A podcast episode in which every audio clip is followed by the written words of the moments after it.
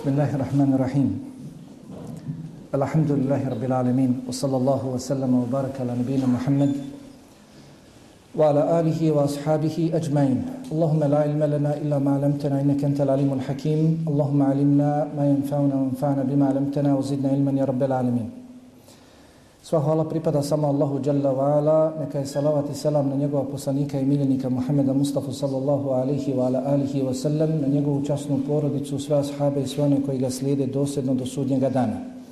Allahu subhanahu wa ta'ala na početku i na kraju ponizno i pokorno se vraćamo i svjedočimo da nemamo drugog znanja osim onog znanja kojeg nam Allah Jalla wa ala podari svoje dobrote, blagodati i milosti, Pa ga molimo Đalla Vala da nam tu svoju dobrotu, blagodat i milost prema nama poveća, da nam podari korisno znanje od kojeg ćemo se okoristiti i svoj život uskladiti po njemu, a doista je Allah Đalla Vala sveznajući i mudri. Vjernik je vjernica, musliman i muslimanka, na svome putu do Allaha Đalla Vala, Allahovog zadovoljstva i njegovih nagrada na drugome svijetu, nailaze na mnoge prepreke, na mnogobrojne prepreke, nailaze na mnoge neprijatelje koji nastoje da ih skrenu sa pravoga puta na stramputicu, da ih odvedu, odvedu od Allaha subhanahu, subhanahu wa ta'ala i onoga što bi ih čekalo kod njega dželavala. Pa zasigurno ono sa čime se vjernik na tom svom putu do Allaha subhanahu wa ta'ala treba boriti jeste prije svega njegova duša, njegov nefs, prohtjevi, strasti, Zatim vidljivi neprijatelji koji se bore protiv islama i muslimana i zasigurno od nevidljivih neprijatelja jeste dakle šeitan. Jeste dakle šeitan. I Allah Jalla Vala u svojoj knjizi Kur'an i Kerimu ukazuje nam na šeitanovo neprijateljstvo prema čovjeku. Kako nastoji da ga odvede od pravoga puta. Kako nastoji da mu istinu preka, prikaže lažima i laž da prikaže istinom. Pa kada se čovjek prihvati toga, kada se prihvati onoga čega šeitan na što ga postiče i što mu došaptava, posle se šeitan odvoji, odvoji od njega i ismijava ga. Kao što Allah subhanahu wa ta'ala o tome govori u suri, u suri Al-Hashr, pa kaže kametali šeitan, idh kale li insani kfur, falemma kefara, kale inni beri umink. Sličan je šeitanu koji kaže čovjeku ne vjeruj, uz ne vjeruj, pa kada čovjek uznevjeruje, vjeruje, šeitan se odvoji od njega i kaže ja se odričem tebe ti se mene više, ti se mene više ne tičeš. Ili kao što Allah dželle vala spominje bitku između nevjernika i vjernika u suri, u suri Al-Anfal, pa spominje riječi šejtana, kaže: "Wa id zayyana lahum ash-shaytanu a'malahum wa qala la ghaliba lakum al-yawma min an-nas wa inni jarul lakum." I kada im je šejtan njihova djela uljepšao u toj bitci, pa rekao: "Danas vas niko neće pobijediti." Nema tih ljudi koji će vas pobijediti Ja ću biti vaš zaštitnik.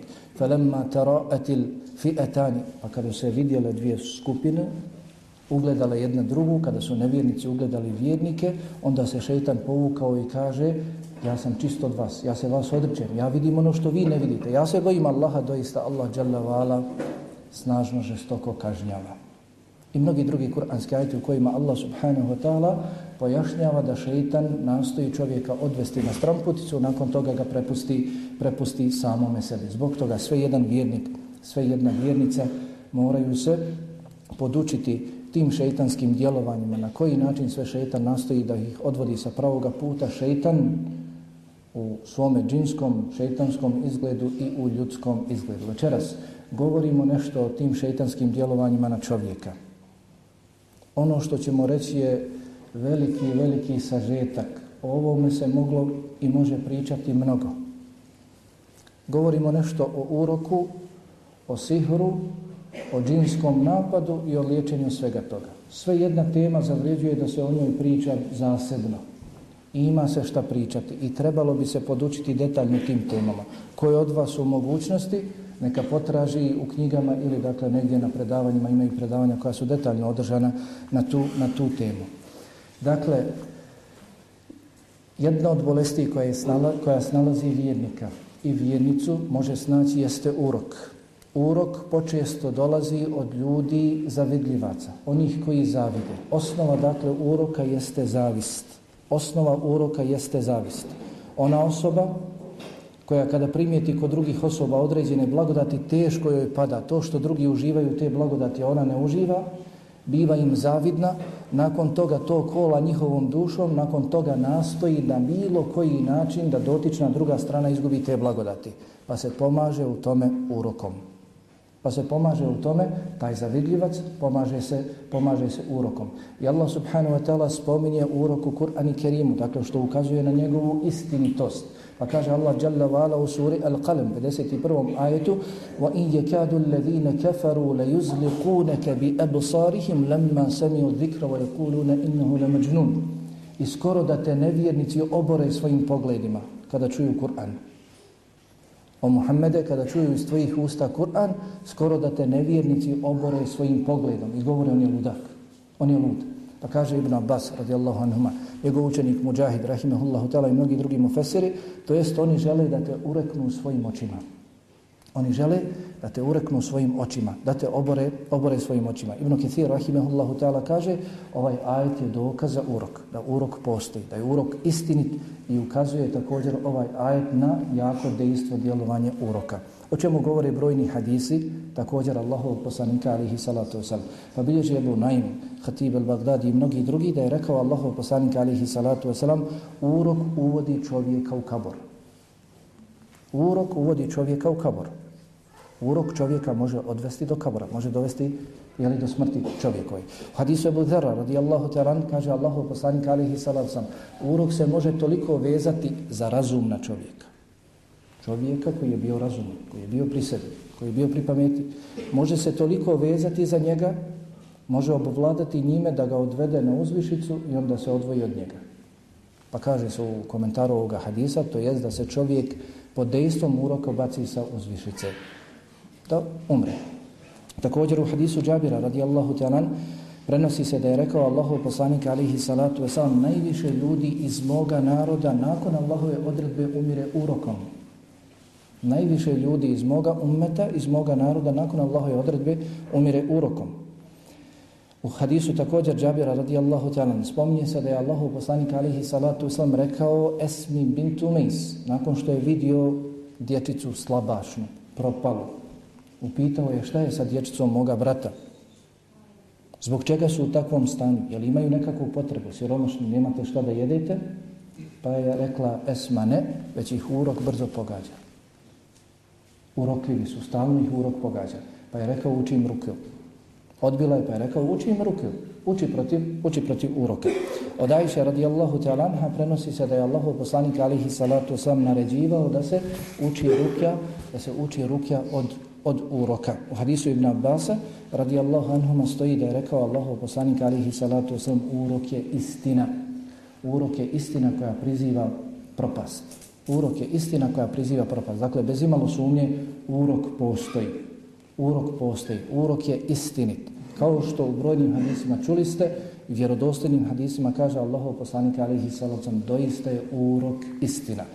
Doista je urok istina, to jest uh, urok je istina i njegovo dejstvo je istinito, sigurno, sigurno pogađa. Kako kaže Hafiz ibn Hajar, budući da hadis bilježi imam Bukhari, Hafiz ibn Hajar u svom komentaru kaže, riječi Allahovog poslanika, alihi salatu wasalam, urok je istina, ukazuju da oko ostavlja traga na čovjeka.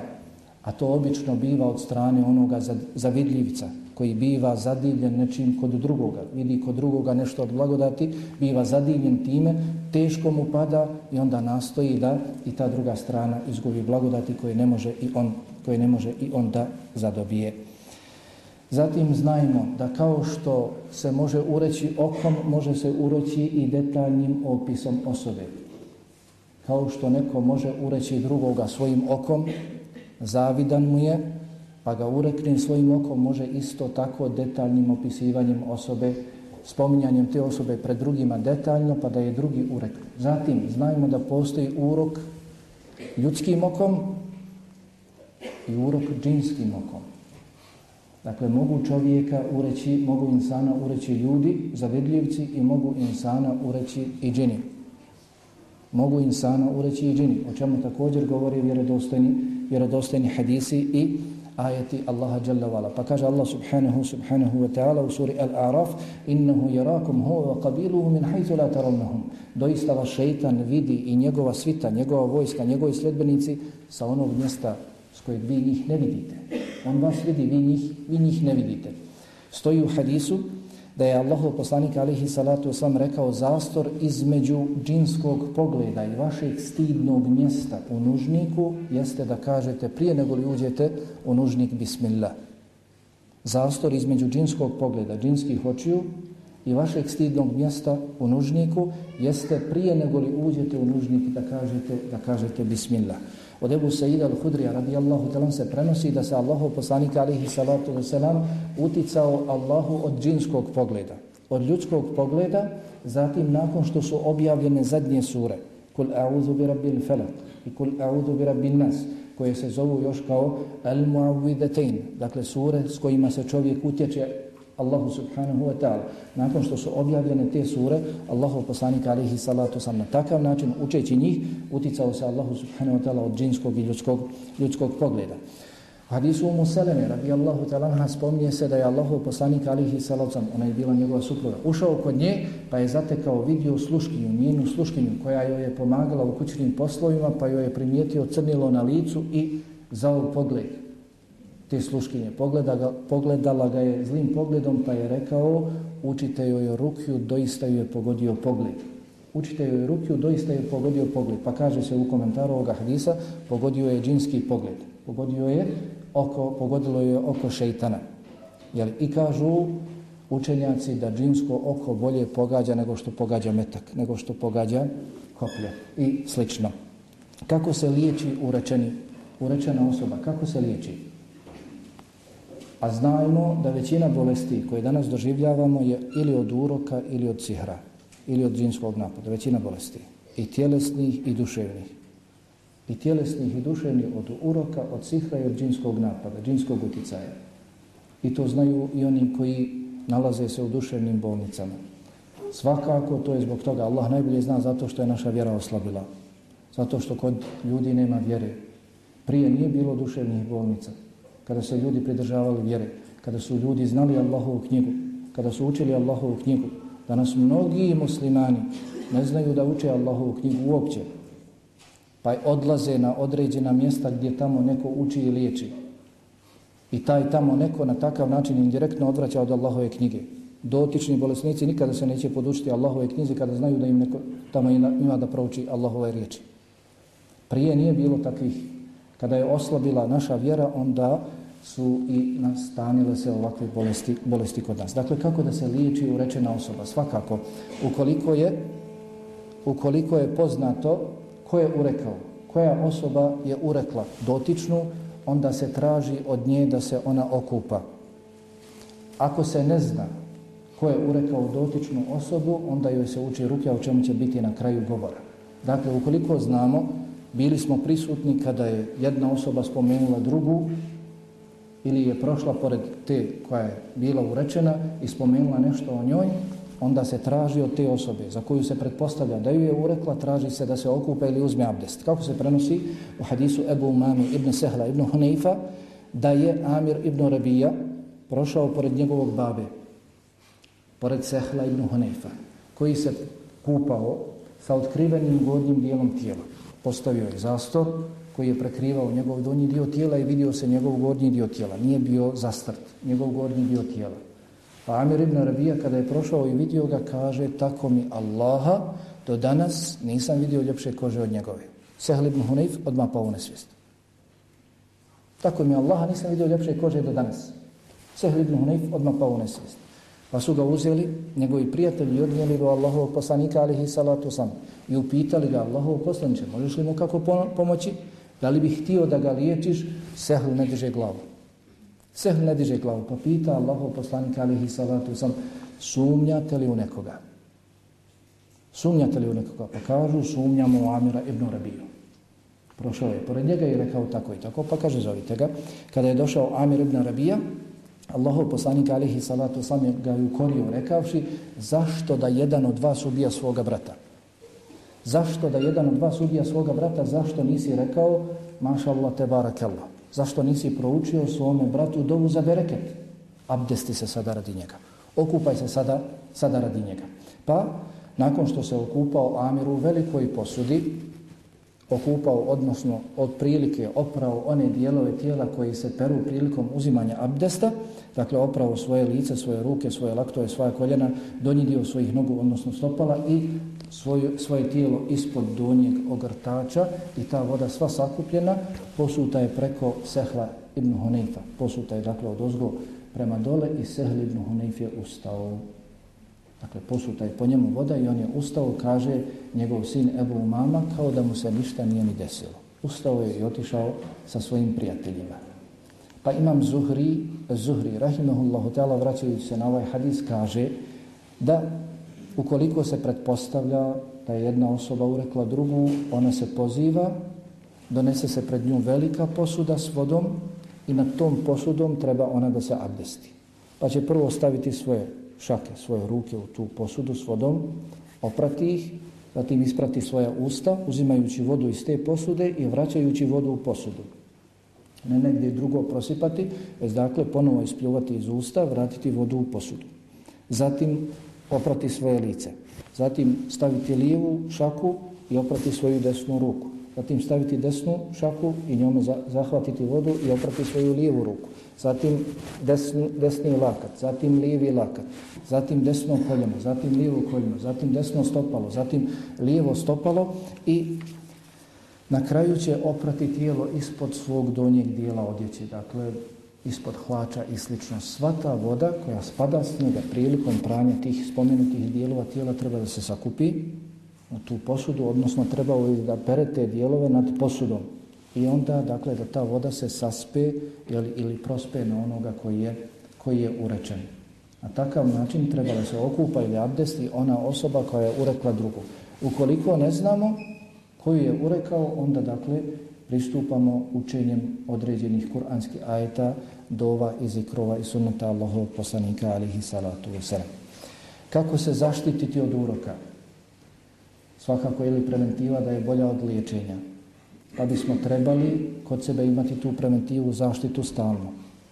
Jer najviše ljude pogađa urok. Bio ljudski, bilo džinski. Bio džinski urok.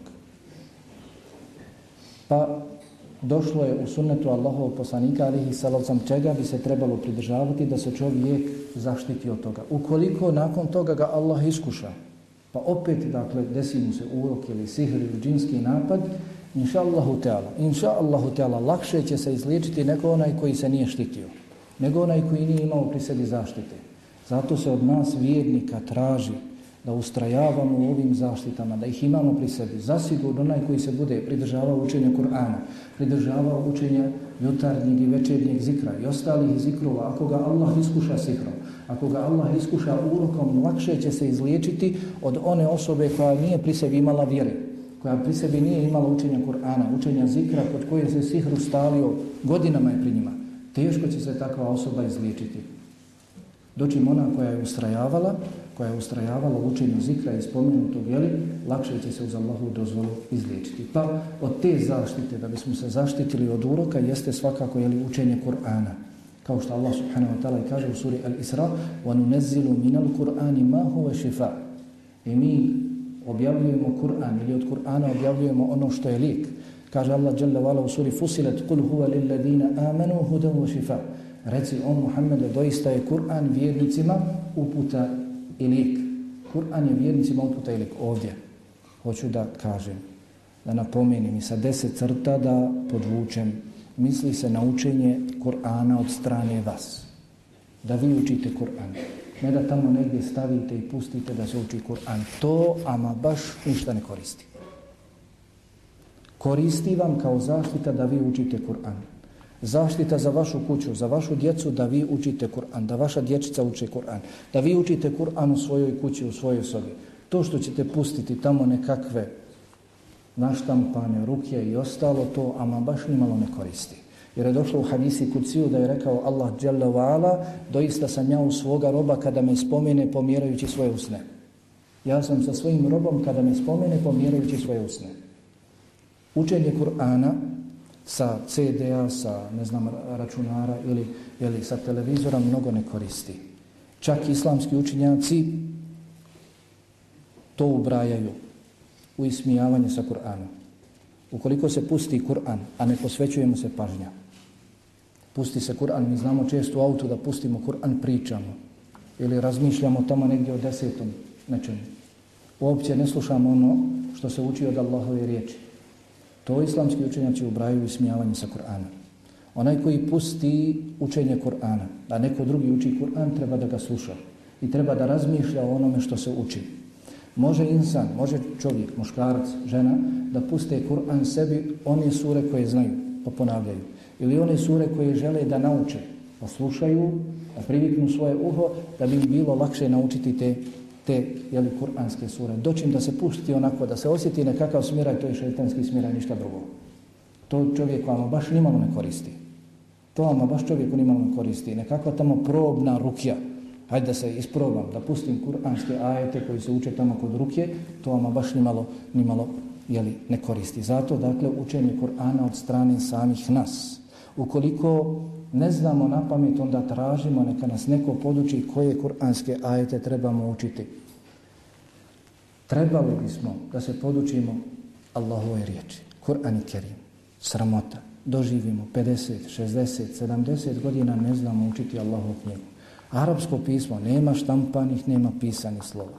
Nema velikih, nema malih slova. 28 harfova samo.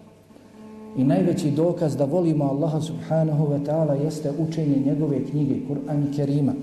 Svi mi, bez izuzetka, kada bi neko od nas sada bio upitan da li voli Allaha subhanahu wa ta'ala, sve jedan bi od nas rekao da, svakako volim Allaha subhanahu wa ta'ala. Ali najveći pokazatelj da volimo Allaha subhanahu wa ta'ala jeste koliko se družimo sa njegovom knjigom. Koliko se družimo sa Allahom knjigom, koliko Allaha spominjemo njegovim riječima. Sve jedna od nas osoba, Allahu pripada najvišeniji primjer, voli kada se spominje po njegovim riječima. Allah, Jalla, Vala, njemu pripada najvišeni primjer.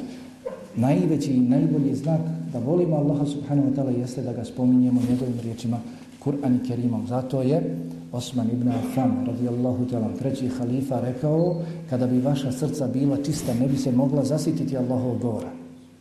Pa je rekao Abdullah ibn Mas'ud, radijallahu ta'ala, Onaj ko tvrdi da voli Allaha subhanahu wa ta'ala neka se oproba sa njegovom knjigom. Onaj koji tvrdi da voli Allaha subhanahu wa ta'ala neka se oproba, neka se oproba sa njegovom knjigom. Zato trebali bismo se podučiti Allahove knjize. Pa znamo učiti Allahovu knjigu. Ako već ne znamo, onda tražimo od nekoga da nam barem u transkripciji, iako se može često tu pogriješiti i dovesti do i proučiti neispravno, dovesti do neispravnog značenja, pogubnog značenja, Ali eto, čovjek koliko može da se trudi da barem u transkripciji uči te ajete koji su zaštita. Odlaziti drugima osobama da nam druge osobe uče nije poželjno. O čemu će biti govora na kraju. Zatim, od zaštita, kako da se zaštitimo uroka, jeste da se pridržavamo jutarnjeg i večernjeg zikra. Jutarnjeg i večernjeg zikra. Postoje zikrovi koji se uče ujutro i na večer. Postoje određeni zikrovi koji se uče samo ujutro, koji se uče samo na večer. I trebali bismo se, nema ih mnogo, nema mnogo dova, trebali bismo se podučiti, podučiti jeli, tome. Došlo je u hadisu Uqbeta radijallahu talan da mu je rekao Allahu poslanika alihi salatu wasalam o Uqbe, zar da te ne obavijestim o najboljim surama koje su ikada učene. O najboljim surama koje su ikada učene pa je rekao to je sura Kul audbra falak, Kul audbra bin nas. To su sure koje su najbolje učene i sa kojima se čovjek najbolje štiti i najbolje traži utočište kod Allaha subhanahu wa ta'ala. Zatim u hadisu Ebu Ajaša Zrkija prenosi se da je Allahov poslanik alaihi salatu islam rekao ko kaže kada osvani la ilaha illallahu vahdehu la šerike lah, lahul mulku wa lahul hamdu wa huwa ala kulli še'in qadir to će mu biti jednako kao da je oslobodio jednog groba od Ismailovih potomaka. Biće mu time obrisano deset grijeha, podignice se za deset stepeni, deset deređa kod Allaha subhanahu wa ta'ala i to će mu biti zaštita dok ne omrkne, ukoliko prouči ujutro i ukoliko prouči na večer dok ne dok ne osvane. U hadisu Osmana ibn Afana radijallahu talam prenosi se da je Allah poslanik alihi salatu oslam rekao koji god čovjek kaže ujutro svakog dana i na večer, ujutro i na večer svakog dana Bismillahilladhi la yadurru ma ismihi shay'un fil ardi wala fis sama u ime Allaha onoga sa čijim imenom ništa ne može nauditi ni na nebesima ni na zemlji. Ko kaže to ujutro i na večer ništa mu neće nauditi. Međutim, sve ove riječi i kuranske ajete treba učiti sa ubjeđenjem, neformalno, sa ubjeđenjem da srce prati ono što usta govore. Da ne bude srce na jednoj strani, a usta na drugoj strani. Sve što učimo od Kur'ana, sve što učimo od dikrova, od dova, srce mora da bude prisutno. Poznat vam je hadis u kojem se spominje da Allah ne prima dovu iz nemarnog srca. I srca koje je gafil. Ne obraća jeli pažnju na ono što se uči. Dakle, sve ovo, bismillahilladhi la yadurru ma ismihi shay'un fil ardi wala fis sama. U ime Allaha onoga sa čijim imenom ništa ni na nebesima ni na zemlji ne može nauditi. Ko to prouči, ništa mu neće se ni učiniti ili od zla, neće mu se nauditi. Također došlo u hadisu Ebu Hureyre radijallahu ta'alan da je jedan čovjek došao Allahom poslaniku alihi salatu uslam i rekao sinoć me ujeo akrep. Sinoć me ujela zmija akrep pa je rekao Allahov poslanik alaihi salatu da si rekao na večer kada si omrknuo a'udhu bi kelimati Allahi tammati min šarri ma khalaq ne bi te. Da si rekao Allahu se utječem sa njegovim potpunim riječima od zla svega što je stvorio. Od zla svakog stvorenja ne bite, ne bite ujelo. I možemo naći u biografijama velikih učenjaka koji su ustrajavali učenju ovih, ovih zikrova, ovih dova, pa bi se desilo da jednu večer nisu proučili tu večer i na auditu. Bilo im je na auditu. Učinjeno im je, učinjeno im je zlo. Dakle, učenje Korana, učenje jutarnjeg i večernjeg zikra, učenje zikra prije spavanja, odnosno pred spavanje. Poznat vam je hadis Ebu Hurere, radijallahu talan, poduži hadis u kojem se spominje da je tri puta hvatao kradljivca. Allahu poslanik alihi salatu wasalam Ebu Hureyru je bio zadužio da čuva zekat, da čuva sadaku, sve ono što se prikuplja u zekat. Pa je dolazio lopov tri večeri.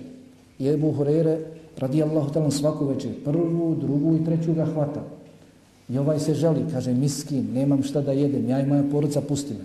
Pa Ebu Buhureri sa žaljenja pusti ga. Prvu noć, drugu noć, treću noć, kada ga je uhvatio, kaže, ne puštam te, jeste, vodim izravno Allahom poslaniku alihi salatu wasalam. Pa kaže, nemoj da me vodi življa. Ne vodi me, podučit ću te nečemu što će ti zasigurno koristiti. Pa je rekao, nemoj nikada. Kada legneš da ne proučiš ajetul kursi. Allahu la ilaha illa huwa al-hayyu al-qayyum. 255. ajet sure al-Baqara. Ajetul kursi, poznat kao ajetul kursi.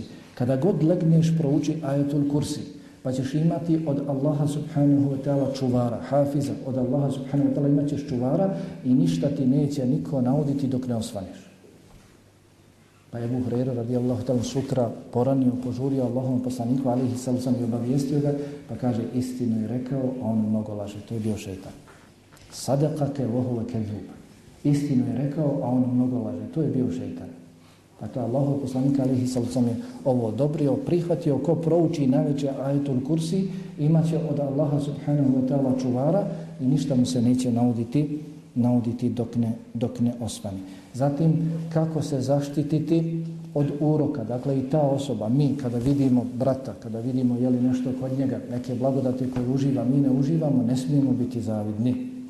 Ne možemo nikada zaboraviti da je zavist, ha, osobina koja je izvela šeitana i blisa iz dženneta. Zbog zavist je prvi grih koji je učinjen na nebesima i prvi grih koji je učinjen na zemlji. Zavist. Prvi grijeh koji je učinjen na nebesima kada je šetan rekao ene hajru mine. Ja sam bolji od Adama. Mene se stvorio od vatre i njega se stvorio od zemlje. I prvi, prvi grijeh koji je učinjen na zemlji također je zavist između dvojice Ademovih sinova, kada jedan, kada je jedan pozavidio drugome na njegovoj ženi koju je trebao da oženi. Zavist je najgora osobina kojom se čovjek može jeli, opisati. Zavist uništava dobra djela kao što vatra uništava drva i mnogo šta drugo. Pa se dobro čuvajmo. Ne smijemo zaviditi drugima, već trebamo učiti dovu za bereket. Allahu me barika alihi. Allahu podari mu berekete u onome, u onome što, što je ima. Bez obzira, jeli, bio lijepog izgleda, imao i metka i slično. Kao što se spominje u suri, u suri El Kef, jer dvojici prijatelja, kada jedan imao bašće lijepe, pa kada je ušao, zadivio se svojom bašćom, Allah ovaj je rekao, zašto nisi kada si ušao, rekao, maša Allah, la kuvete illa billah. Biva ono što Allah hoće i doista nema snage osim, osim sa Allahom subhanahu, subhanahu wa ta'ala. A došlo je u hadisu Amira ibn Rabije da je rekao Allahu poslanik alihi salatu sam kada neko od vas vidi nešto na sebi ili u svome imetku što ga zadivljuje neka uči, dove, neka uči dovu za bereket u tome jer je doista urok istina. Može se čovjek ureknuti, može i sebe i ili svoj imetak i svoje dijete. Kada neko od vas vidi kod svoga brata na njemu ili u njegovom imetku nešto što ga zadivljuje neka mu uči dovu za bereket jer je urok istina. I svakako, ali ovo je u šarijatskoj državi, Osoba koja je poznata kao osoba koja uriči. Ne pogleda ni u koga da ga ne urekne. Ne spomene nikoga, a da se ne desi zlo tome.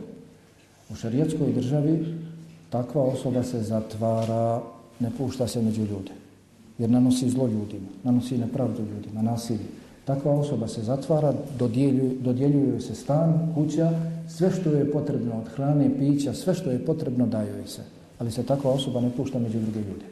Jer ih pogađa, jer ih pogađa svojim okom. I na tome su složni islamski učinjaci. Dakle, urok je jedna od bolesti koja nas pogađa i zasigurno ostavlja traga od nas. Od strane ljudi, urokljivaca ili od strane, od strane džina. Liječi se ili ako dakle znamo za onu osobu koja je urekla njenim kupanjem i posipanjem te iste vode po urečenoj osobi ili učenjem, učenjem ruke. Što se tiče sihra, sihr je sve ono što je lukavo, sve ono čiji je razlog skriven, nepoznat. Pa kaže Leshari, rahimahullahu ta'ala, osnova sihra jeste preokretanje određene stvari, preokretanje njene suštine ka nečemu potpuno drugom. Pa sihrbaz, onaj koji pravi sihr, osobi kojoj pravi dakle istinu preokreće u laž, laž preokreće u istinu, ono što vidi preokreće dakle u nešto, nešto je li potpuno, potpuno drugo. El Dževheri, rahimahullahu ta'ala, kaže sihr je čarolija i sve ono što nastaje na nejasan način. Ibn Kudame al-Maktisi, rahimahullahu ta'ala, kaže sihr biva puhanjem, kako sihr bazi pravi sihr, sihr biva puhanjem u uzlove, puhanjem u čvorove, izgovarajući određene riječi ili pisu, pišući te jeli, iste određene riječi ili činjenjem određene stvari koja djeluje na tijelo opsihranog ili na njegovo srce ili na njegovo razum bez direktnog kontakta s njim. Bez direktnog dodira sa opsihrenom osobom. Dakle, to je, to je sihr. Pa ima sihra koji ubija čovjeka. Ima sihra koji, zbog kojeg čovjek obolijeva ima sihra zbog, čovjek, zbog kojeg čovjek, muškarac, ne može da ima odnos sa svojom suprugom. Ima sihra, sihra koji razdvaja muža od žene. Ima sihra koji spaja muškarca sa ženom u vanbračnoj jeli, vezi. Pa onaj koji proučava Kur'an i vjerodostojan sunnet Allahovog poslanika alihi salatu wasalam može uvidjeti da većina sihra i vrsta sihra vraća se na sljedećih devet vrsta. I svaka od tih vrsta ima određene simptome. I kada se čovjek upozna sa tim vrstama i tim simptomima, onda može da od prilike vidi imali nešto kod njega od spomenutog. Pa dakle, tih devet vrsta jeste sihr razdvajanja, sihr ljubavi, sihr priviđanja, sihr ludila, sihr potišljanosti, uvlačenja u sebe, povlačenja, e, ljenosti, neaktivnosti i slično, sihr vesvesa do šaptavanja, sihr bolesti, sihr krvarenja, izljeva krvi što se dešava kod žena, kod sestara, ono što se zove istihaza. To dakle dolazi od, od, od džina. To dolazi od džina i od jeli, sihrbaza i sihr za postavljanje ženitbe braka. Uglavnom, sve vrste sihra vraćaju se na ovih, na ovih devet. Dakle, sihr razdvajanja muža od žene, sina od majke, braće, poslovnih partnera, to sihrbazi znaju da uradi. Sihr ljubavi, jeli, spajanja, sihr priviđanja, sihr ludila, sihr usamljenosti, potištenosti, povlačenja u sebe, sihr došaptavanja, sihr bolesti, sihr krvarenja kod žena i sihr zapostavljanja braka. Za ovo postoje dokazi i ovome jeli, također govori Kur'an i Sunnet i također postoje pokazatelji. Bojim se da ću udužiti ako počnem to spominjati. Jeli? Uglavnom i sihr je također istina. Poznato vam je, bilježi se u vjerodostojnom hadisu kod imama Buhari, oko čega dakle, nema spora, da je sihr napravljen i Allahovom poslaniku, alihi salatu wasalam. Da je trajao oko šest mjeseci. Spominje se u hadisu, u vjerodostojnom hadisu, da je Allahov poslanik, alihi salatu dugo, dugo, dugo dovio svome gospodaru, Allahu subhanahu wa ta'ala, da mu ukaže na problem koji mu se dešava. Nešto mu se priviđalo, E, smatrao je da nešto radi što uopšte nije radio, smatrao je da ima odnos sa svojim suprugama što nije imao, priviđalo mu se, to je trajalo šest mjeseci, pa nakon toga Allah subhanahu wa ta'ala poslao mu je dva meleka u snu. Jedan je sjeo pored njegove glave, vidio je sebe u snu kako leži, pa jedan čovjek, melek u liku čovjeka sjeda pored njegove glave, drugi pored nogu i razgovaraju i pitaju šta je ovom čovjeku. Pa kaže ima sihr, komu je napravio, pa spominje se čovjek Lebid ibn al-Asam, koji mu je napravio sihr. Gdje mu je napravio? Ostavio ju taj taj bunar. Na što mu je napravio? Napravio mu na češalj i dlake od kose na kosu. Pa je Allah poslanik alihi sallam otišao i našao taj sihr i jeli, na takav način prestao mu je sihr. Prestalo je dejstvo sihra. Dakle, sihr je također istina. I nemojmo se plaho zamajavati da nije.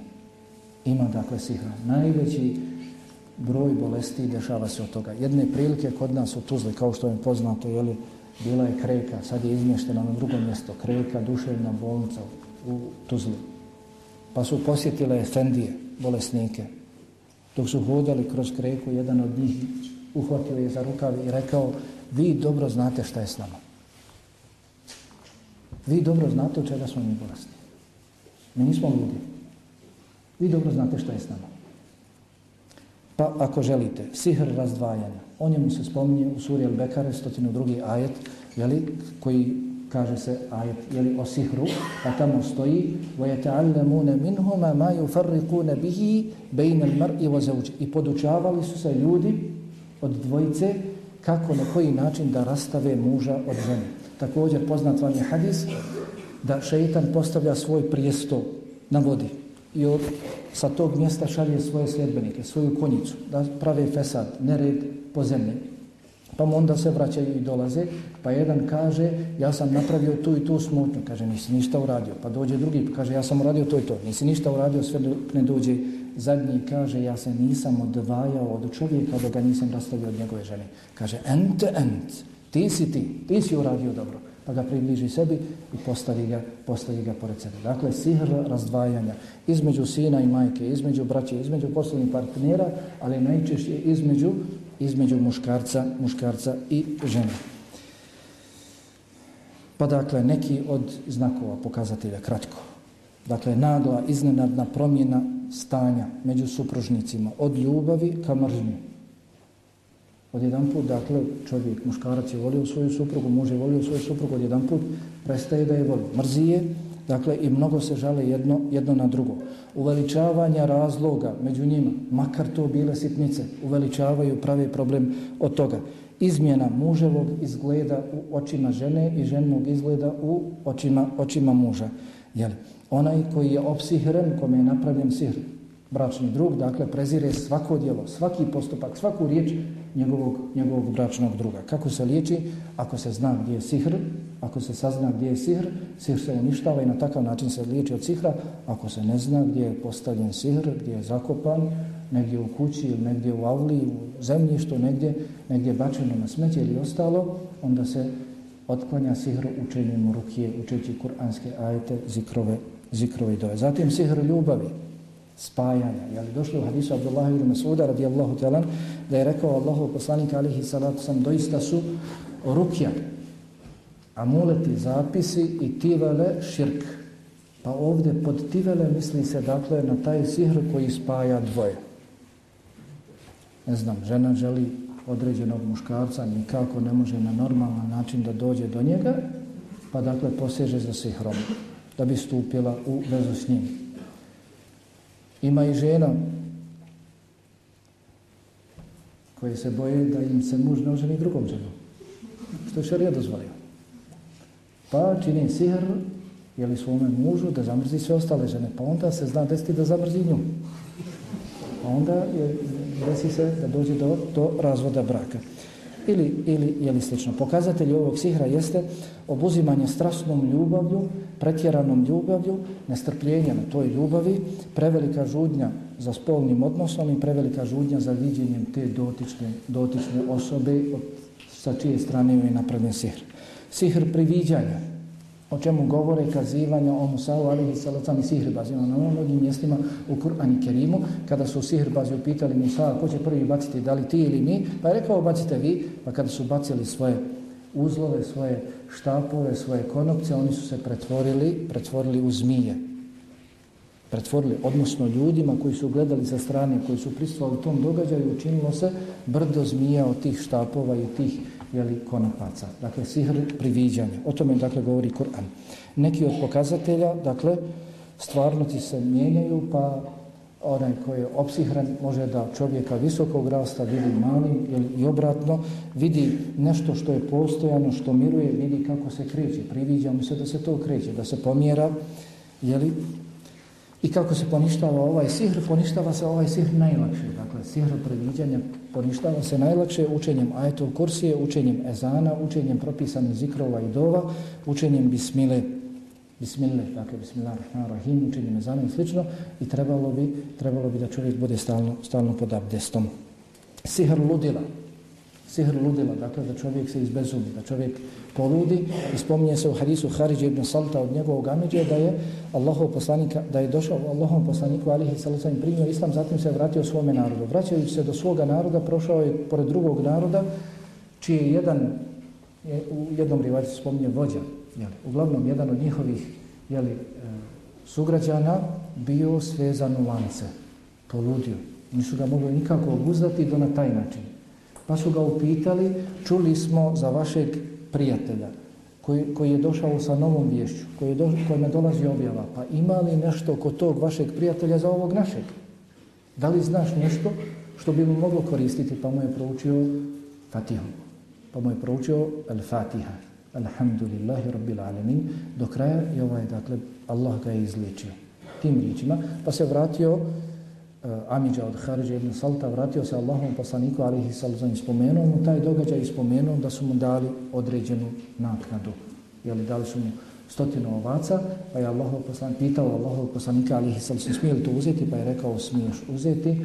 Jeli, smiješ uzeti jer si ispravno postupio, ispravno si proučio, to je ispravno što se uči dakle, od Kur'ana, a teško li se onima koji uzimaju naknadu za neispravno učenje, za gatanje, za pravljenje sihra, jeli, i slično. Od pokazatelja sihra ludila, neki, rastrešenost, veliko zaboravljanje, čovjek ne može jeli, da se sjeti, nerazumljiv govor, nemogućnost dužeg boravka na jednom mjestu, neustrajnost, ne može da ustraje ni u jednom poslu, što god započne ostavi, što god započne ostavi.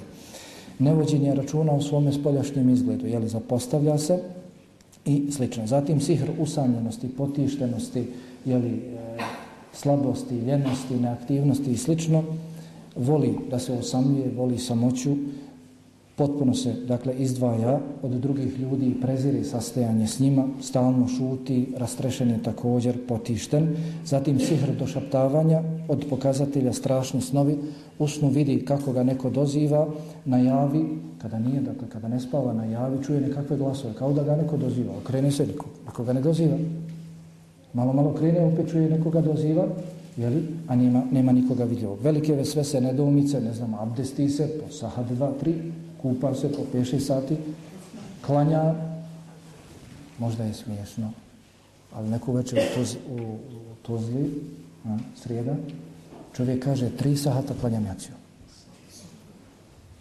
Deset puta se abdestio. Ne izlazim iz kupatla kad se kupam. Zna je proći namaski vakat skroz. Ja se ne mogu abdestiti. Bez sve se, došaptavanja. Jel, velike sumnje u svoje prijatelje, u snu vidi kako pada s velikih visina, u snu vidi kako ga progone, progone životnje. Sihr bolesti, stalni bol u jednom od dijelova tijela, grčenje, skupljanje, smežuranje jeli, kože, paraliza pojedinih dijelova tijela ili potpunog, potpunog tijela. Ovo se može desiti, dakle, i normalno da čovjek oboli od toga, Jeli? Međutim, kada mu se uči rukja, koliko ti dijelovi tijela u kojima osjeća bol počnu da se tresu, da se pomjeraju, osjeti treperenje i slično, onda je dakle razlog te bolesti sihr. sihr. I sihr krvarenja, jeli? ono što je poznato kao istihaza kod žena, kod sestara, nakon menstruacije, ne znam, krv nastavlja da teče, ili mimo menstruacije pojavi se krv koja nema izgled, nema boju, nema miris, jeli krvi menstruacije, dakle ono što je poznato kod pravnika i stihaza, to je dakle također djelovanje sihra ili djelovanje džina. Uzrokovano je, jeli, tim razlogom. Kako kaže Ibn Lethir, istihaza je kada krv nastavlja izlaziti kod žene nakon prolaska običajnog vremena hajza, a došlo je u brojnim hadisima kada su došle ashabike i požalile se Allahom poslaniku alihi salavcam na isticanje krvi i pitale da li da klanjaju u takvom stanju ili ne, kako da se zaštite od toga, pa kada su pojasnili kako, koliko im izlazi ta krv, kakve je boje, pa je rekao nije to hajd, nije to menstruacija, već je to istihaza na koju je podstaknuo šeitan. Na koji je postaknuo šeitan? I sihr za postavljanja braka.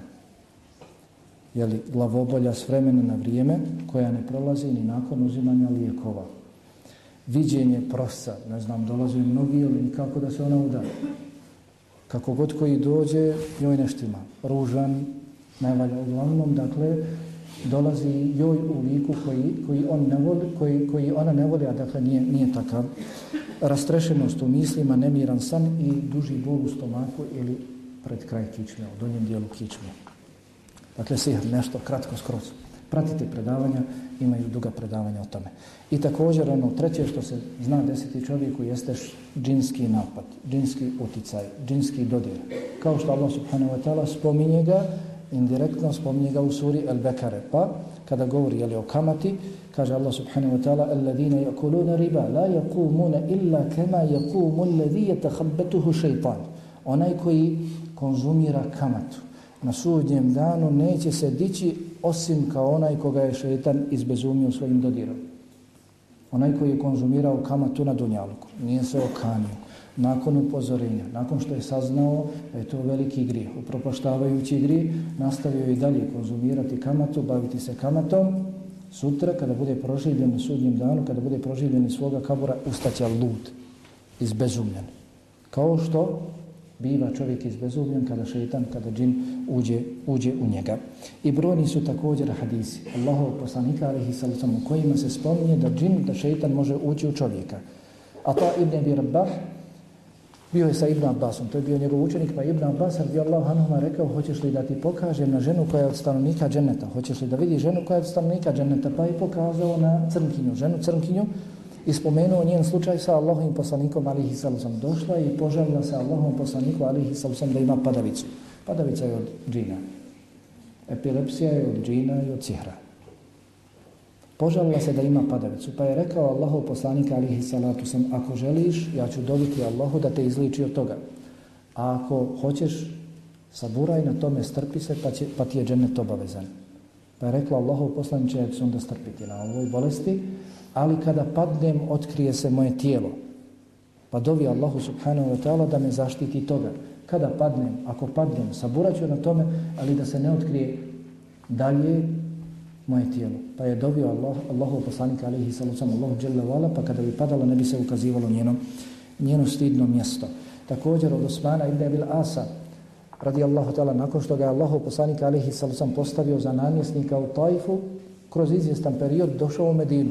Kada ga je vidio Allahu poslanik alihi salucam kaže ibn Abil As, tebe ovdje, što ćeš ti ovdje? Pa kaže Allahu poslaniče, od kako si me postavio za namjesnika u Tajfu, nešto mi dolazi u namazu. Ne mogu nikako da se skoncentrišem, ne znam koliko sam klanjao i što sam klanjao. Pa je rekao priđi, to je od šeitana. Pa je rekao priđi, je li primaknuo ga je, Allahov poslanika alihi sallam Osmana primaknuo je sebi do svojih koljena, zatim mu je je li stavio ruku i rekao uhruđ adu Allah, izađe Allahov neprijatelju. Rekao je to tri puta, nakon čega je li, izašao džin iz njega i popravilo se stanje Osmana, nikada mu više nije je li, dešavalo se spomenuto. Abdullah ibn Ahmed, ibn Hanbal, dakle sin imama Ahmeda, rekao je, o babo, pojedini ljudi misli da džin ne može ući u čovjeka. Da džin, žajtan, ne može ući u čovjeka. Pa kaže Ahmed ibn Hanbal, rahimahullahu ta'ala, lažu u sine. Lažu u sine, to šeitan govori njihovim jezikom. To šeitan govori njihovim jezikom u stvari, dakle on je, on je u njima. Dakle, također džinski dodir iz Kur'ana, iz hadisa i govora u Leme vidimo da postoji, da džin može ući u čovjeka neki od razloga zašto džin ulazi u čovjeka. Jel? Zaljubljenost džina, kao što je na Dunjalku ljudi imaju muškarci i žene, isto tako džini imaju muški i ženski. Zaljubljenost džina u ženu i zaljubljenost džinnice jeli, u muškarca. Da džin bude zaljubljen u ženu, pa uđe i ne dozvoljava da se ona uda ni za koga drugog. Kogod dođe da je prosi, on njoj njega prikazuje u ružnom izgledu. Ne može nikako. Malte ne dođe do prosidbe isprosije, razudne prosidbu. Dakle, ili obratno da e, džinica bude zaljubljena u muškarca. Dakle, to je jedan razlog. Zatim, ezijećenje, uznemiravanje džina, činjenje nasilja džinima od strane ljudi, od strane nas. Pa, ne znam, Na veće, zna se desiti, ne znam kako u gradu, ali na selima toga ima mnogo, prosipa se voda, topla voda, vruća voda ili nekakva druga voda, nije bitno, prosipa se, ne kaže se bismillah. Pa vrlo lahko može se time politi šeitan. Baca se nešto, ne kaže se bismillah, da se upozori kad se spomene Allahovo ime šeitan i bježe. Moguće da se jeli, nagazi, stane, jeli, uznemiri na takav način džin, pa džin onda ulazi, ulazi jeli, u njega. I činjenje nasilja od strane džina čovjeku koristi priliku, pa ulazi u čovjeka. A ta prilika je preveliki strah, da se čovjek preplaši.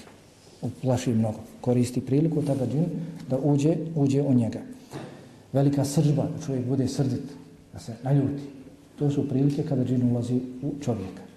Sržba, strah, odavanje strastima, gaflet, nemar prema Allahu subhanahu wa ta'ala, Allahove riječi Kur'anu zikru. Koliko je čovjek daleko od Kur'ana, daleko od zikra, spominjanja Allaha subhanahu wa ta'ala, to su prilike kada džini vrlo lahko ulaze, ulaze u čovjeka. Simptomi koji ukazuju na prisutnost džina u čovjeku. Simptomi koji se javljaju u snu i koji se javljaju jeli, na javi od tih u snu, lahak san. Ne može nikako tvrdo da zaspi. Brzo se budi, ne može duboko zaspati, dakle nemir, često buđenje, strašni slovi, u snovima vidi kako ga neko proganja, traži izlaz, ali bezuspješno ne može. Sanjanje životinja u snu, mački, pasa, zmija, griženje zubima u snu, da čovjek spava i grize ili drobi ili zube dok spava, glasno smijanje, plač, vika u snu, da ustane u snu i da hoda, da vidi u snu kako pada sa velikih visina, da vidi sebe u mezaru, da vidi sebe na smetljištu, da vidi sebe jeli, na nekakvim jeli, putevima zabačenim, da vidi u snu ljude čudnih izgleda koji su previsoki ili jeli, mali, niski, da vidi u snu nekakve jeli, prikaze, priviđenja, duhove, sablasti jeli, i slično. To su dakle otprilike simptomi koji ukazuju na prisustvo komšije u čovjeku, na prisustvo džina u čovjeku. Simptomi koji se javljaju na javi, stalna glavobolja, ukoliko nije prouzrokovana ničim drugim. Stalna glavobolja, tjeskoba pri spominjanju Allaha, prilikom učenja Kur'ana, teško. Ne može ajeti da sastavi da prouči. Ne može da izgovori Allaho ime prouči se ezan, pada u nesvijest. Ili slično. Tjeskoba, kada se uči, tjeskoba u prsima, kada se uči Allahova riječ, kada se zikri, spomni Allah subhanahu wa ta'ala. Rastrešenost u mislima, umor, ljenost, padavica, osjećanje bola u pojedinim dijelovima tijela, liječnici ne nalaze ništa.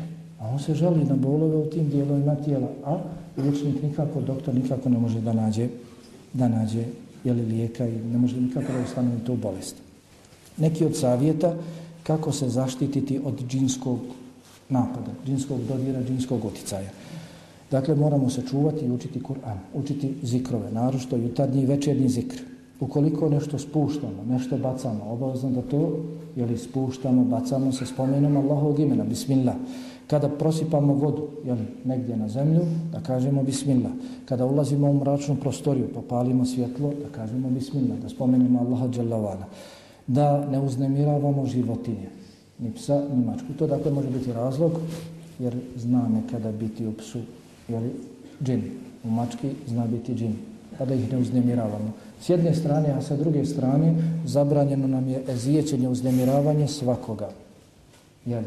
Zabranjeno nam je uznemiravanje kako ljudi, isto tako i životinja. Poznati su nam brojni hadisi u kojima se spominje da, jedan od hadisa, da je žena ušla ili ući će u džahennem vatru zbog toga što je zjetila mačku. Zbog toga što je zjetila mačku. Na drugoj strani u hadise spominje da je Allah subhanahu wa ta'ala iz prethodnih naroda ženi, iz Benu Israila, ženi bludnici koja se bavila bludom, oprostio taj grijeh zato što je napojila žednog psa. Prolazila pored bunara, vidjela kako pas isplažena jezika, kruži oko bunara, shvatila je da je žedan, pa se spustila na dno bunara, sišla, spustila se na dno bunara, skinula svoju cipelu, u nju nasula vode, stavila cipelu u usta, ispela se na vrh bunara, izašla i napojila psa. I nastavila svoj put dalje. Pa je Allah uprostio taj grijeh. I zbog toga ne smijemo dakle se iživljavati nad životinjama. Zatim, ne bismo trebali spavati noću mladići nek se žene, pa nek ne spavaju noću sani. Ne bismo trebali spavati noću sani. Sam čovjek ne treba da spava. Ukoliko spava noću prisiljeni da spava, onda obavezno da prouči zikr pred spavanjem. Zikr pred spavanjem. Kaže, i od Ibn Omera radijallahu anhuma se prenosi da je Allah poslanik alihi sallam zabranio osamljivanje, da čovjek spava sam i da putuje i da putuje sam. Kao što je poznato da znate šta je u noći, također nikada ne biste putovali sami, da znate šta se nalazi u noći. Pa također ne bismo trebali putovati sami. Ukoliko pa na selima, možda to ni, nema ovdje u gradu, pojavi se zmija, uđe zmija u kuću, ne smije se ubijati. Već se traži od nje tri dana, kako kaže Imam Malik, podsjeća se na Allaha i na sudnji dan. Kada će svi, sva stvorenja biti proživljena pred Allahom, podsjeća se na Allaha i na sudnji dan, na zabranjenost uznemiravanja. Tri dana. Ako ne izađe za ta tri dana, onda se ubija. Onda se ubija. Jer vrlo lahko u njima može biti džin šeitan. Možete se vratiti na muvetu od imama Malika, tamo se dakle spominje, mladić otišao je na bojište za vrijeme Allahovog poslanika, ali sam otišao u bitku, a skoro se bio ženio. A, skoro se bio ženio, pa je zatražio od Allaha poslanika, ali sam da ga malo pusti kući. Ženio lijepo ženio. Pa ga pustio Allahov poslanika, alihi salacam, kada je došao, zatekao ženu na vratima. Žena izašla. I kaže, šta ćeš ti na vratima da te drugi vide? U tom smislu, pa kaže, nećeš me koriti kada uđeš i vidiš ko se nalazi u kući, ko se nalazi u sobi. On bio ljubomoran. Šta ćeš ti na vratima, da te drugi ljudi vide? Ti se udala za mene, nisi se udala za nekoga drugog. Tvoju ljepotu treba da vidim samo ja, niko drugi. Pa kaže, nećeš me koriti kada uđeš i vidiš ko se nalazi. Pa kada je ušao, zatekao je na sred sobe veliku zmiju, skupčanu, jeli u klupku. I sa sobom je imao koplje, iz boja je išao, sa sobom je imao koplje, bacio i ubio zmiju. Kako je ubio zmiju, tako i on pao mrtav. Tako je on pao mrtav. Pa je kasnije obavješten poslanik Alihi Salosam o tome i rekao je jeli, da je vjerovatno u tome bio dženi. Zato, dakle, ukoliko se pojave zmije u kućama, ne bi trebalo ih ubijati, već tražiti tri dana, jutrom i večeri, da izađu. Kako kaže imam Malik, da se kaže, podsjećam te na Allaha i na sudnji dan, ne pokazuj nam se i nemoj nas uznemiravati. Izađi, otiđi od nas. Ne bismo trebali hodati sami noću, praznim, napuštenim mjestima, predjelima gdje nema ljudskih ili stanovnika, gdje nema ljudi. Kada nešto bacamo, rekao sam da bacimo sa Allahom imenom, bismillah. Prije nego li uđemo u kupatilo, nužnik, da kažemo bismillah. Kada izađemo, da kažemo gofranak. Da se pridržavamo zikrova, narošto pred spavanjem. Narošto ajetul kursije i također sve ovo, koliko smo mogućnosti, a narošto na večer kada liježemo, da svojoj djeci učimo ove dove, ove zikrove.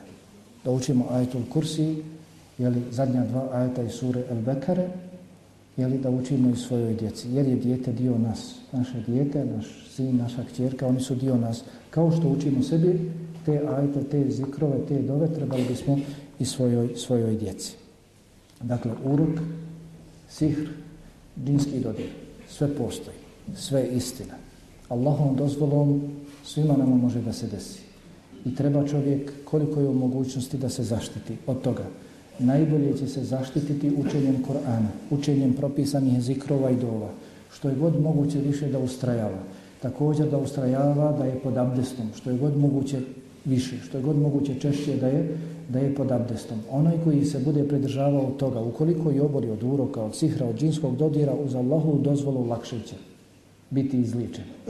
Zatim znajmo dobro da sve ono što nam se događa, i od uroka, i od cihra, i od džinskog dodira, i druge bolesti, dešava nam se, sve ono čime nas Allah iskušava, dešava nam se zbog naših grijeha, ili zbog naših grijeha, ili zbog toga što Allah želi da provjeri našu vjeru. Želi da nas ispita. Pa mnogi koji odlaze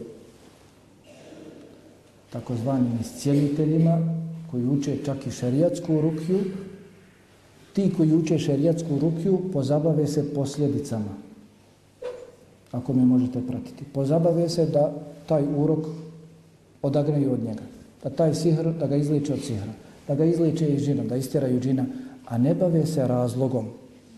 Sve dok postoji razlog, postojaće i urok, i sihr, i džin u njemu. Ako ga istjera džina iz njega, izađe džin, izađe šetan iz njega, ne bude li riješio razlog, džin će se ponovo vratiti. Zato oni, ako ima nekoga da uči rukju od vas, Treba prvo čovjeka posavjetovati da se drži namaza, da se drži vjere, da se drži hijjaba, da se drži dobrog društva, da se drži Kur'ana, da se drži zikrova. A izliječiti čovjeka iz sihra, od sihra izliječiti čovjeka od džina, to nije dakle samo cilj. Opet će se vratiti i brojni su primjeri. Onaj koji je jel, ima dodira s tim, poznati su mu brojni primjeri, čovjek bude ujutro izličen, na večer mu se vrati, još gore mu bude. Zato treba poraditi na razlogu. Pa ako je razlog tog iskušenja uroka, sihra ili ulaska džina u nas, naš grijeh, onda pozabavimo se istikfarom, pozabavimo se teubom, da se klonimo toga grijeha, zatražimo oprosta kod Allaha subhanahu wa ta'ala za taj grijeh i nikada mu se više ne vraćamo. Ako želimo da živimo u rahatluku i smiraju, onaj koji hoće da ide od jednog doktora do drugog, da daje pare i pare, da na kraju psihički oboli skroz, oni koji se bave rukijom kažu najveći broj slučajeva, dakle raka, jesu džini. Je sihr. Sinoć sam razgovarao sa jednim koji se bave time, bave se učenjem rukije, rukije kažu, kaže mi 40 sihra sam nala, našao kod čovjeka. Na 40 mjesta rak mu se pojavio i na svakom mjestu je bio napravljen sihr. Gotovo, metastaza čovjek je umro. Preselio. Zato dakle treba čovjek što je god moguće više da se pridržava zaštite, ako već i oboli od nečega spomenutog, onda je li da na propisan način se liječi, ali prije svega da povede računa o razlogu. Šta je to moglo da bude povod, razlog, uzrok da oboli, da oboli od toga. Pa dakle, liječenje uroka, sihra i džinskog dodira ima tri faze. Prva faza, dakle, kada dođemo da učimo nekome rukju ili dođe jeli, tom dotičnom koji uči rukju, taj bi trebao prvo, dakle prva faza, taj bi trebao da pripremi pogodnu atmosferu za liječenje. Dakle, ukoliko dolaze njemu kući, iako to, iako to nimalo nije preporučeno, molio bih vas da shvatite ovo ozbiljno, ove bolesti. I da shvatite da kada obolite, kada obolimo, svi, da mi najbolje poznajemo svoju bolest i najbolje poznajemo koliko nam je teško. I da ćemo mi najbolje nastojati da se izličimo. Tamo neko drugi, mako on bio, njemu nije toliko stalo koliko je nama da se izličimo. Zato, kod naših prethodnika, od ashaba pa na ovamo, nije bilo poznato da je neko liječio bolesne učenjem Kur'ana. Bilo nekome na pravo ili krivo. Nije bilo poznato tamo ima čovjek otvorio je ordinaciju gdje uči rukiju. Idite njemu. To nije bilo poznato kod ashaba. Već kada bi im neko došao, kada bi im neko došao, oni bi govorili uči sam sebi rukiju. kako bilježi Ibn Abi Šejbe u svojem musannefu, od sada Ibn Abi Waqasa da mu je došao čovjek i rekao, uči mi ruke, obolio sam, kaže, eđalte ni nebija, zar ne smatraš vjerovjesnikom, uči sam sebi ruke. Uči sam sebi rukiju. Oni, ashabi, bi učili rukju, učili bi ajete, sami sebi, kada bi se desilo nešto njihovim životinjama.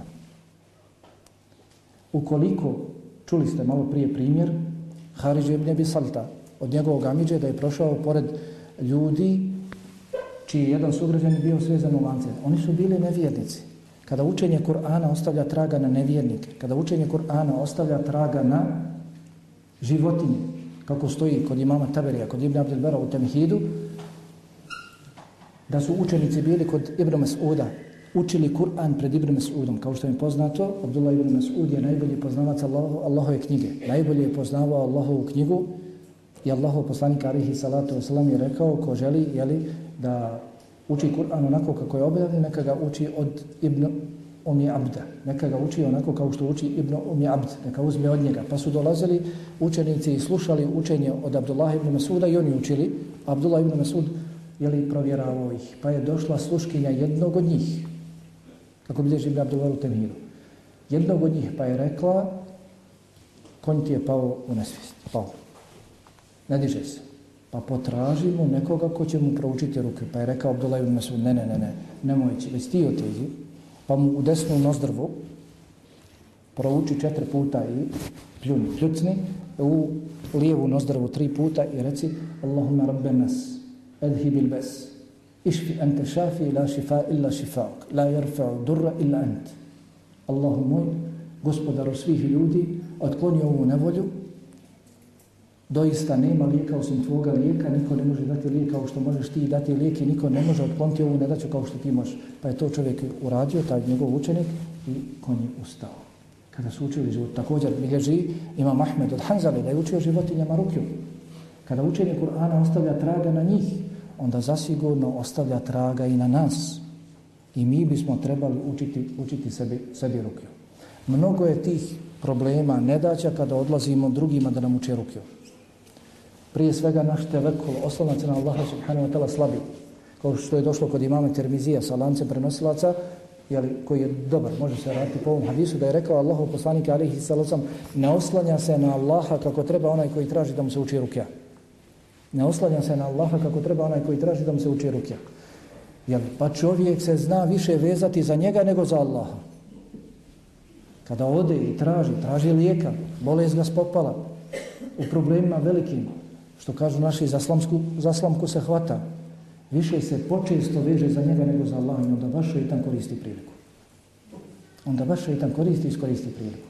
Zato treba čovjek sebi da uči ruku. Zatim onaj drugi koji uči ruku, malo se uznese, počne se oholiti, mase mu dolaze, otvorio je dućan, mase mu dolaze, pa slabi dakle i on. I nema onoga, ja nisam primijetio, rijetki su ti koji se upustio masovno da se bavi da bavi sa liječenjem ljudi, učenjem čak i Kur'ana na ispravan način da nije popustio vjere. Da nije oslabio vjere. Da nije iskušan time. I mnogo je tih grešaka koje oni čine prilikom učenja ruke. Od dodirivanja žena, pa makar i sa pregradom. Od osamljivanja sa ženama. Od udaranja. To je smiješno da se udara osoba, bolesna osoba. Kaže, ne osjeti, osjeti džin, jeste, ali kada džin ode ili kada prestane učenje, onda žena osjeti, ili muškarac kome se uči, osjeti bol. Ono što je poznato jeste da je Allahov poslanik alihi salatu sam učio da bi stavljao ruku, ovo svakako za muškarce važi, da onaj koji uči rukju, ako mu već uči druga osoba da stavi može da stavi ruku na oboljelo mjesto ili mjesto gdje se osjeća bol i da se uče kuranski ajet. Ili da se kaže uhruđa do Allah. Izađi Allahu neprijatelj. Da se udara, dakle, zato nema dokaza. Jer, I slično. Dakle, pripremiti pogodnu atmosferu za učenje, za učenje ili ruke, za liječenje. Treba sve slike izbaciti iz kuće. Slike izbaciti iz kuće jer je došlo u hadisu da meleki ne ulaze u kuću u kojoj se nalazi slika. Meleki ne ulaze u kuću u kojoj se nalazi slika. Ako ne ulaze meleki, onda ulaze neko drugi. Zato nam je takva atmosfera u našim kućama. Puna slika, puna kipova, puna paščadi i ostalo. Zato su šeitani mjesto meleka. Melek ne ulazi u kuću u kojoj se nalazi pas, na čijim vratima se nalazi zvon i u kojoj se nalazi slika. Pa ako hoćemo da živimo u rahatluku, koliko toliko odstranimo. Dakle, džaba nam vrijedi učenje Kur'ana ako, ako tu su slike i ostalo spomenuti. Ukoliko se ne, nalaze nekakvi zapisi na ovoljenom, to treba skinti i zapaliti. To ništa ne koristi. To ništa ne koristi, već samo, dakle, otežava čovjeku. Makar bilo ono što je napisano samo iz Kur'ana. Jer time čovjek također omalovažava onaj Kur'an koji je zapisan ulazi s njim u nužnik, odlazi na nečista mjesta i time se dakle ismijava sa onim što se nalazi. Svakako nesvjesno, ali nije u redu da to čini. Očistiti mjesto od muzike i muzičkih instrumenta. Također, ukoliko se liječi osoba, ne bi trebalo da se miješa sa ženama, ne znam, muška osoba se liječi, ne bi trebalo da bude žena u prisustvu. Ako se liječi žena, onda samo njen mahram, da je tu muž ili koji je već mahrem, ostale osobe da ne borave jeli, u toj prostori. Zatim treba se obratiti oboljeloj osobi i njenoj poruci mužu koja je već tu uz nju ili sa prigodnim riječima, da se podstakne bolesna osoba za vezanje, da se veže za Allaha subhanahu wa ta'ala, da se sve nalazi u Allahim rukama, da je lijek samo kod Allaha subhanahu, subhanahu wa ta'ala. Ili nakon toga pristupa se, jeli, može da se ispita bolesnik da bi se utvrdilo od čega boluje, da li od uroka, da li od cihra, da li od činskog dodira, jeli, simptomi prethodno spomenuti, šta od toga doživljava jeli, u, svome, u svome životu. I svakako, jeli, ne bismo trebali zapostaviti dovu Allahu subhanahu wa ta'ala da istjera jeli, i otkloni bol od te oboljele osobe. Na kraju, dakle, nakon što se izliči, ako se izliči, treba se posavjetovati bolesna osoba da se dalje pridržava vjere. Ako se ne bude pridržavala vjere, može vrlo lahko ponovo da joj se vrati ta bolest. Pa dakle, trebala bi da ustrajava u obavljanju namaza. Ako je riječ o muškarcu, onda na obavljanju namaza u džematu. Da ostavi muziku i pjesmu, jer je to šeitansko djelo. To nije svojstveno vjernicima. Naprotiv, time se vjernici odvode sa pravog puta, kao što stoji u suri Lukman. Da što je god moguće više osoba bude pod abdestom. Da uči ajetul kursi i da zikri, pogotovo pred spavanjem. Da ustrajava učenju jutarnjeg i večernjeg zikra, da uči zikr prije ulaska u nužnik, da koliko je mogućnosti da prouči za svaka tri dana suru ili bekare, 49, 48 strana, ali opet kažem da prouči, da prouči ako može i kako svojim jeli, ustima, a ne da pusti tamo jeli, da neko drugi uči. Druženje sa dobrim društvom, udaljavanje od lošeg društva, učenje bismile kod svakog posla, nespavanje, jeli, da čovjek ne spava sam. Ukoliko je osoba, bolesna osoba, ženska osoba, onda bi trebalo obavezno da se pokrije.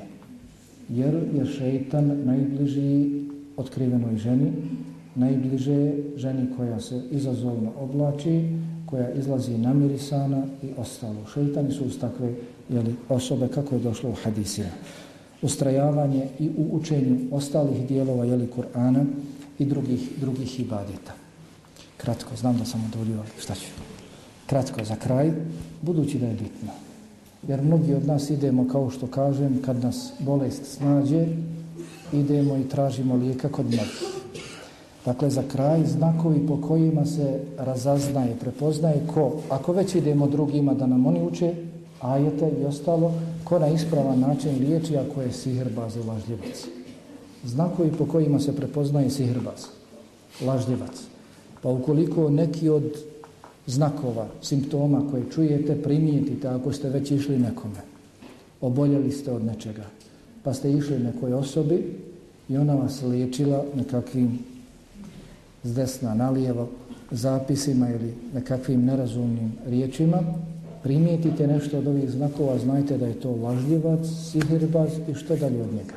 Pokajte se Allahu subhanahu wa ta'ala zbog toga što ste odlazili kod njega i potražite, ako već ne znate, ako već nije vam dostupna knjiga u kojoj se nalaze kuranski ajeti, zikrovi i dove od Allahovog poslanika, ali i koje se uče kada se oboli od toga, toga ili toga, onda potražite osobu koja ispravno liječi. Pa kada odete prvi puta, onda zatražite od nje da vas poduči ajetima, dovama i zikrovima i onda vi učite to sebi kod kuće. Nemojte se mnogo vezati ni za njega. Dakle, od znakova sihirbaza i lažljivca, kada bolesnik dođe, pita bolesnu osobu za ime i ime njegove majke. Kada dođe bolesnik, pita ga kako se zoveš, kako ti je ime majke, bilježi. Traži nešto od bolesnika, nešto od njegove odjeće, majicu, potkošulju, košulju, kapu, maramicu i sl. Ponekada traži od bolesnika da mu dođe sa određenom životinjom na određeni opis, da je on sihirbaz zakolje, pri čemu čijem klanju ne spominje Allahovo ime, zatim tom krvlju od te zaklane životinje maže oboljele dijelove tijela te bolesne osobe ili daje osobi da je baci na određeno mjesto gdje mu kaže uzvodu, izvodu i ostalo ili da je zakopa i slično. Zatim nađete ovo na internetu, YouTube, otvorite i naćete učenje od strane tih sihrbaza, Kako liječe? Pa svoje učenje odpočinju sa učenjem kuranskih ajeta, zatim ubacuju. U ajete nerazumljive riječi. Otvorite i naćete. I ja ih znam koliko hoćete. Takvi siherbaza, kojima mase idu. Mase idu. Koji se izigravaju s Kur'anom. Ja znam koji je umro. Jer Allah ne zna kako je. Da ne kažem krepo. Koji je ulazio u nužnik sa Kur'anom na nogama. Koji je ulazio u nužnik sa Kur'anom na nogama. Sjedio na WC šolje sa Kur'anom ispod nogu. Koji čine stvari van svake pameti. Zato im se šeitani pokoravaju i oni se na ovakav način pokoravaju šeitanima. Dakle, odpočinju svoje liječenje da biste vi, koliko toliko bili ubijeđeni njih, učenjem Kur'ana, zatim počinju da ubacuju svoje određene riječi. Nerazumne. Zatim daje bolesniku komad platna koji je sad u nekakvim kockicama u kojima su upisani određeni harfovi. Traži od bolesnika da se izoluje određeni period od ljudi, da ne dolazi u kontakt s ljudima, po najčešće da se osami u sobi u koju ne ulazi sunčeva svjetlost. Ponekada traži od bolesnika da određeni period, najčešće 40 dana, uopšte ne dotiče vodu. Uopšte ne dotiče vodu, da se ne čisti.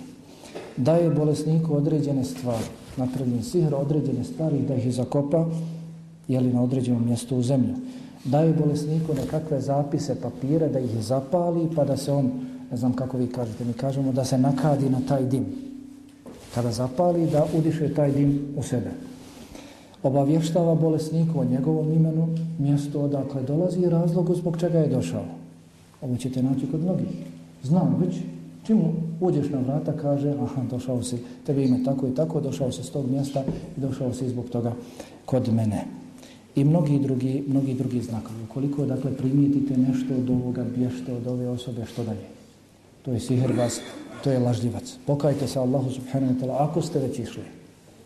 Kako se ne bi nad vama obistinile riječi Allahovog poslanika alihi salatu sam ko ode gataru pa ga upišta, upita za nešto ko ode gataru sihirbazu pa ga upita za nešto namaz mu se ne prima 40 dana namaz mu se ne prima 40 dana Došlo je u drugom hadisu nije od nas kaže Allahov poslanik alihi salatu nije od nas onaj koji gata i kome se gata finđan, grah i ostalo Nije od nas onaj koji pravi sihr i onaj za koga se pravi sihr.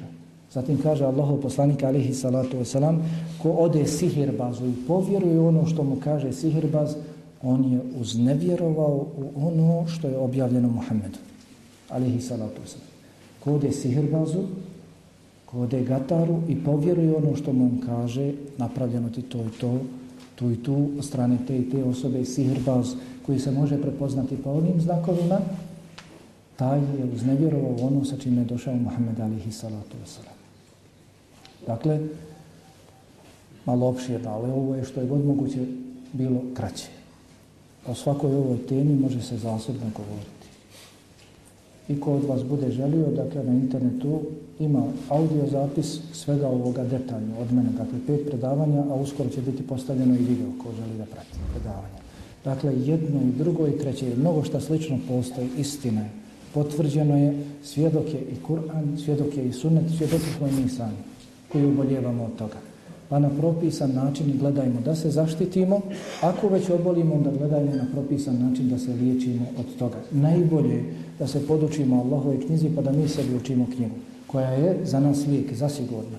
Ili da se pridržavamo mimo Kur'ana, da se pridržavamo jel, spomenutih zikrova, dova, naročito ujutro i navečer. Zatražite Od ovih momaka koji organizuju predavanja, oni imaju jutarnje i večernje zikrove. Provjerene. U tim jutarnjim i večernjim zikrovima svega. Ima slabih hadisa. Što ne treba učiti? Ima slabih hadisa. Ima nešto što je stavljeno da se uči ujutro i na večer. Ne. Ima dakle nešto što se uči samo ujutro, nešto što se uči samo na večer. A'udhu bi kelimati Allahi ta'amati min šarima halak, to se uči samo na večer. Ne uči se ujutro i mnoge druge. Raditu billahi rabba, bil islami dina, od Muhammedin sallallahu alihi wa alihi wa sallam, bija taj zikr je zabilježen slabim hadisom. Ne radi se po njemu ujutro i na večer. I mnogi drugi zikrovi.